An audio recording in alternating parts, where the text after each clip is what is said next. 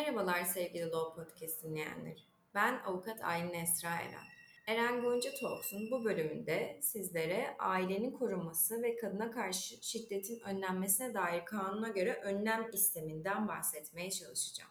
Ailenin korunması ve kadına karşı şiddetin önlenmesine dair kanuna göre alınan önlemler, boşanma veya ayrılık davası açılınca davanın devamı süresince eş ve çocuklara ilişkin alınması gereken geçici önlemler dışında bağımsız olarak alınabilecek olan genel önlemler arasındadır. Şiddete uğrayan veya şiddete uğrama tehlikesi bulunan kadınların, çocukların, aile bireylerinin ve tek taraflı ısrarlı takip mağduru olan kişilerin korunması ve bu kişilere yönelik şiddetin önlenmesi amacıyla alınacak tedbirlere ilişkin 6284 sayılı kanun 2012 yılında kabul edilerek yürürlüğe girmiştir.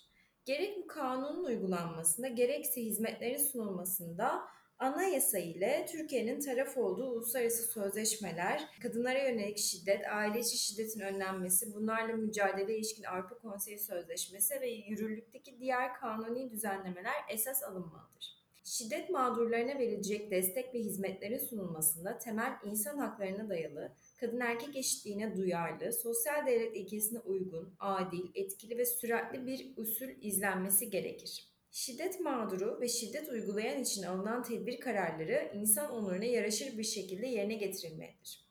Hiçbir şekilde 6284 sayılı kanun kapsamında kadınlara yönelik cinsiyete dayalı şiddeti önleyen ve kadınları cinsiyete dayalı şiddetten koruyan özel tedbirlerin uygulanması ayrımcılık olarak yorumlanmamalıdır. Eğer bir ayrımcılık varsa bu da pozitif ayrımcılık olarak yorumlanabilecektir. Aile Mahkemesi 6284 sayılı kanun kapsamında korunan kişilerle ilgili olarak korunan kişinin iş yerinin değiştirilmesi, kişinin evli olması halinde ortak yerleşim yerinden müşterek konuttan ayrı yerleşim yeri belirlenmesi, şartların varlığı halinde ve korunan kişinin talebi üzerine tapu kütüğüne aile konutu şerhi konulması. Korunan kişi bakımından hayati tehlikenin bulunması ve bu tehlikenin önlenmesi için diğer tedbirlerin yeterli olamayacağının anlaşılması halinde ve ilgilinin aydınlatılmış rızasına dayalı olarak 5726 sayılı Tanık Koruma Kanunu hükümlerine göre kimlik ve ilgili diğer bilgi ve belgelerinin değiştirilmesi tedbirine hükmedilebilir.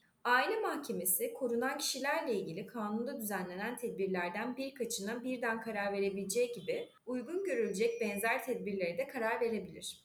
Aile Mahkemesi şiddet uygulayanlarla ilgili olarak şiddet mağduruna yönelik olarak şiddet tehdidi, hakaret, aşağılama veya küçük düşürme içeren söz ve davranışlarda bulunmaması, bulunduğu yerden derhal uzaklaştırılması, müşterek konuttan derhal uzaklaştırılması, müşterek konutun korunan kişiye tahsis edilmesi, korunan kişilere yaklaşmaması, korunan kişilerin bulundukları konuta, okula ve iş yerine yaklaşmaması, çocuklarla ilgili daha önce verilmiş bir kişisel ilişki kurma kararı varsa kişisel ilişkinin refakatçi eşliğinde yapılması, kişisel ilişkinin sınırlanması ya da tümüyle kaldırılması, gerekli görülmesi halinde korunan kişinin şiddete uğramamış olsa bile yakınlarına, tanıklarına ve kişisel ilişki kurulmasına ilişkin haller saklı kalmak üzere çocuklarına yaklaşmaması, korunan kişinin kişisel eşyalarına zarar vermemesi, korunan kişinin ev eşyalarına zarar vermemesi, korunan kişiyi iletişim araçlarıyla veya sair surette rahatsız etmemesi, bulundurulması veya taşınmasına kanunen izin verilen silahları kolluğa teslim etmesi, silah taşıması zorunlu olan bir kamu görevi ifa etse bile bu görevi nedeniyle zimmetinde bulunan silahı kurumuna teslim etmesi.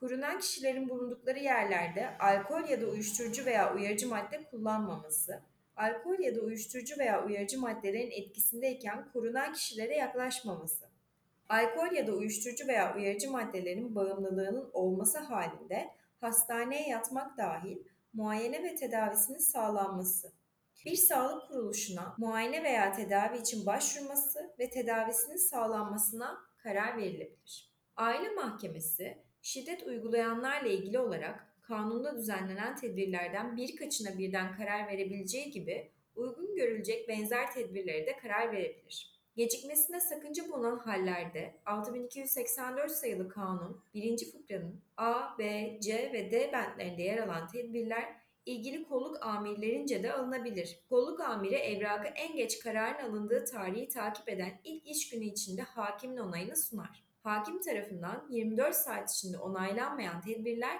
kendiliğinden kalkar.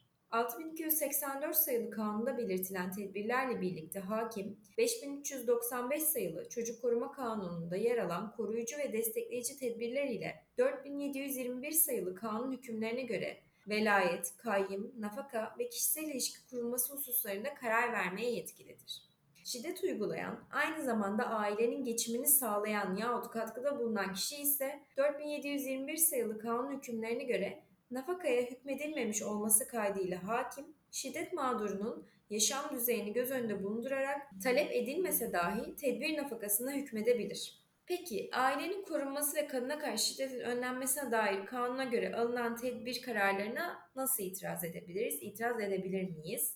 6284 sayılı kanun hükümlerine göre verilen kararlara karşı tevhim yani yüze okunma veya tebliğ yani size posta yoluyla bildirilmesi halinde bu tarihten itibaren iki hafta içinde ilgililer tarafından aile mahkemesine itiraz edilebilir. Hakim tarafından verilen tedbir kararlarına itiraz üzerine dosya o yerde aile mahkemesinin birden fazla dairesinin bulunması halinde numara olarak kendisini izleyen daireye, son numaralı daire için birinci daireye, o yerde aile mahkemesinin tek dairesi bulunması halinde Asya Hukuk Mahkemesi'ne, aile mahkemesi hakimi ile Asya Hukuk Mahkemesi hakiminin aynı hakim olması halinde ise en yakın Asya Hukuk Mahkemesi'ne gecikmeksizin gönderilir. İtiraz merci kararını bir hafta içinde verir. İtiraz üzerine verilen kararlar kesindir. Ailenin korunması ve kadına karşı şiddetin önlenmesine dair kanuna göre alınan tedbir kararına aykırılık durumunda uygulanacak hükümler nelerdir? 6284 sayılı kanun hükümlerine göre hakkında tedbir kararı verilen şiddet uygulayan bu kararın gereklerine aykırı hareket etmesi halinde fiili bir suç oluştursa bile ihlal edilen tedbirin niteliğine ve aykırılığın ağırlığına göre aile mahkemesi hakiminin kararıyla 3 günden 10 güne kadar zorlama hapsine tabi tutulur. Tedbir kararının gereklerine aykırılığın her tekrarında ihlal edilen tedbirin niteliğine ve aykırılığın ağırlığına göre zorlama hapsinin süresi 15 günden 30 güne kadardır. Ancak zorlama hapsinin toplam süresi 6 ayı geçemez. Zorlama hapsine ilişkin kararlar Cumhuriyet Başsavcılığınca yerine getirilir. Bu kararlar Aile ve Sosyal Politikalar Bakanlığı'nın ilgili il ve ilçe müdürlüklerine bildirilir. Peki biz 6284 sayılı kanuna göre önlem istemlerini nasıl bir dilekçe yazarak nereden talep edebiliriz? Aile mahkemesine açmamız gereken bir dava türü bu. Eğer bulunduğumuz yerde aile mahkemesi yoksa aile mahkemesi sıfatıyla Asli Hukuk Mahkemesi'nde de bu davamızı bu davamızı açabiliriz. Her dilekçede olduğu gibi davacı davalı varsa vekil bilgilerinin yazılması gerekir. Dava konusunun mutlaka belirtilmesi gerekir. Yani ne yazacağız dava konusuna? 6284 sayılı ailenin korunması ve kadına karşı şiddetin önlenmesine dair kanuna göre önlem istemi koruma ve uzaklaştırma istemi de olabilir. Mutlaka davamızın dayandığı vakaları, olayları detaylı bir şekilde ve delillerle birlikte anlatmamız gerekiyor hakime. Örneğin işte davalı eşimle şu tarihte evlendik. Bu evliliğimizden iki tane çocuğumuz var. E, ortak çocuklar benimle birlikte yaşıyor. Davalı eşimin alkol bağımlılığı sebebiyle e, bana ve çocuklara sürekli şiddet uyguluyor son zamanlarda bu şiddet dozu inanılmaz derecede arttı. Bu sebeple biz koruma uzaklaştırma kararı talep ediyoruz sayın mahkemeden şeklinde bir dilekçe yazılabilir. Mutlaka delillerimizi sunuyoruz konuyla ilgili. Hukuki sebepler kısmına 6284 sayılı kanun kapsamında bu başvuruyu yaptığımızı yazabiliriz. Talep sonuç kısmına da mutlaka hangi önlemlerin alınmasını istiyorsak işte müşterek konuttan uzaklaştırma mı istiyoruz? Çocukların okuluna bizim iş yerimize gelmemesini mi istiyoruz? Kişisel eşyalara zarar vermesin mi istiyoruz? Ev eşyalarına zarar vermesin mi istiyoruz? Çocuklara yaklaşmasın, çocuklarla kişisel ilişkisi geçici olarak kaldırılsın mı istiyoruz? Bunların hepsini detaylı olarak yazmamız gerekiyor. Özellikle alkol ve uyuşturucu bağımlılığında mutlaka kişinin e, yani şiddet uygulayanın hastaneye yatırılıp tedavi altına alınmasını da talep etmeliyiz. 6284 sayılı kanuna göre önlem istemi hakkında bir takım e, içtihatlar var, önemli içtihatlar. Dilerseniz bunlara bir göz gezdirelim.